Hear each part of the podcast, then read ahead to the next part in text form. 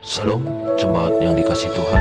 Hari ini kita kembali lagi mengikuti refleksi Gema Sebelum kita memulai mari kita bersama-sama membaca Alkitab sesuai teks dalam Gema Dan membaca Gema hari ini. Tuhan memberkati. Shalom jemaat yang terkasih, kita bersyukur pada Tuhan kita berada di hari yang baru yang Tuhan sediakan bagi kita. Namun sebelum kita memulai hari kita atau sebelum kita mengakhiri hari ini, Mari saat ini kita berdoa bersama-sama, kita mau menyambut firman Tuhan. Mari kita tundukkan kepala kita berdoa. Kami bersyukur untuk hari yang baru yang kau sediakan bagi kami ya Tuhan. Sungguh rahmatmu selalu baru, kebaikanmu tiada habis-habisnya dalam kehidupan kami. Dan saat ini ya Tuhan kami bersama-sama akan merenungkan firman Tuhan. Biarlah sungguh firman Tuhan yang akan kami dengarkan untuk hari ini ya Tuhan.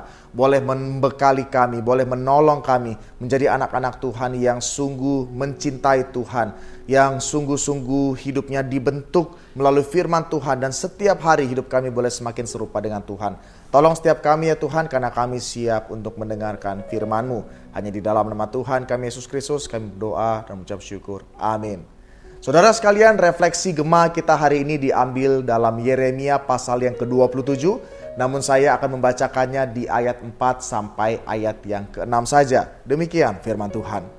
Perintahkanlah mereka mengatakan kepada Tuhan-Tuhan mereka, beginilah firman Tuhan semesta alam, Allah Israel, beginilah harus kamu katakan kepada Tuhan-Tuhanmu, Akulah yang menjadikan bumi, manusia, dan hewan yang ada di muka bumi dengan kekuatanku yang besar dan dengan lenganku yang terentang. Dan aku memberikannya kepada orang yang benar di mataku. Dan sekarang aku menyerahkan segala negeri ini ke dalam tangan hambaku, yaitu Nebukadnezar, Raja Babel, juga binatang di padang telah kuserahkan supaya tunduk kepadanya. Sedemikian jauh pembacaan firman Tuhan kita pada hari ini. Dan berbahagialah setiap kita yang tidak hanya mendengarkan tetapi juga melakukannya dalam kehidupan setiap hari. Pada umumnya, pemimpin negara yang ditaklukkan ingin melawan penjajah. Inilah pergumulan Raja Zedekia. Para nabi palsu pun memberi semangat kepada Raja Zedekia agar jangan takluk kepada Raja Babel. Kita dapat melihat itu di pasal 27 ayat 9 dan 14. Selain itu, para nabi palsu itu menenangkan orang-orang Yehuda dengan meramalkan pembebasan dari penjajahan bangsa Babel. Akan tetapi, Nabi Yeremia justru mengkhotbahkan pesan yang sangat berbeda dengan apa yang disampaikan oleh para nabi palsu. Ia menyampaikan perintah Tuhan agar Raja Zedekia tunduk kepada Raja Nebukadnezar. Saudara perintah Tuhan tidak hanya diberikan kepada bangsa Yehuda, tetapi juga kepada bangsa-bangsa lain di sekitarnya. Mereka yang menolak pemerintahan Raja Nebukadnezar akan mengalami bencana, tetapi yang menyerah kepada pemerintahan Raja Nebukadnezar akan bisa tetap tinggal di tanah mereka.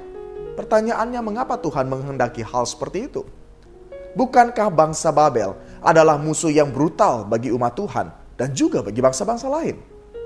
Saudara jawabannya adalah karena Tuhan bebas dan berdaulat. Tidak ada yang berada di luar pengetahuan atau kendali Tuhan. Menurut pasal 27 ayat yang kelima dikatakan bahwa Tuhan adalah pencipta segala sesuatu dan dia bebas kepada siapa pun yang ia kehendaki. Di pasal 27 ayat yang ke-6 dikatakan bahwa Tuhan telah memutuskan untuk menyerahkan bangsa Yehuda ke dalam tangan Raja Nebukadnezar. Binatang di padang pun juga Tuhan serahkan kepadanya. Raja Nebukadnezar bukan seorang penguasa yang bebas bergerak sendiri, tetapi ia digambarkan sebagai hamba Allah. Atas ketetapan Tuhan, negeri Babel akan mempertahankan kekuasaan selama beberapa generasi, tetapi kemudian akan ditundukkan dengan kekuatan lain. Segala sesuatu yang terjadi pada orang Yehuda, betapapun sulitnya, masih dalam kendali Tuhan.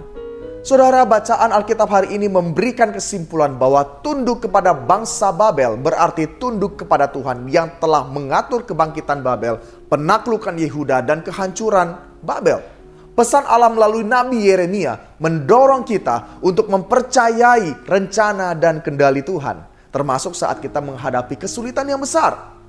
Apakah Anda meyakini bahwa pemimpin-pemimpin bangsa di dunia saat ini ada dalam kendali tangan Tuhan. Apakah kita percaya bahwa pemimpin bangsa kita saat ini ada dalam kendali tangan Tuhan? Biarlah firman Tuhan hari ini boleh menolong kita semakin mencintai Tuhan, percaya akan kedaulatannya, dan kita hidup aman di dalam tangannya. Demikian renungan kita hari ini. Mari kita tundukkan kepala, kita berdoa.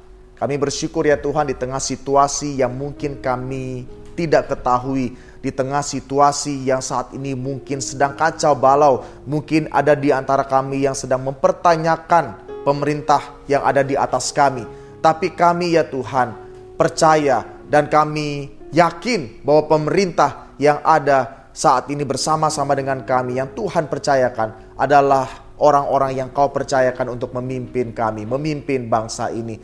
Ajarkan kami senantiasa ya Tuhan di tengah-tengah situasi yang mungkin kacau balau, ada kedaulatan Tuhan dan ada Tuhan yang memegang kendali atas segala sesuatu. Dan biarlah ketika kami meyakini bahwa Engkau Allah yang memegang kendali atas segala sesuatu, kami boleh aman, kami boleh teguh di dalammu.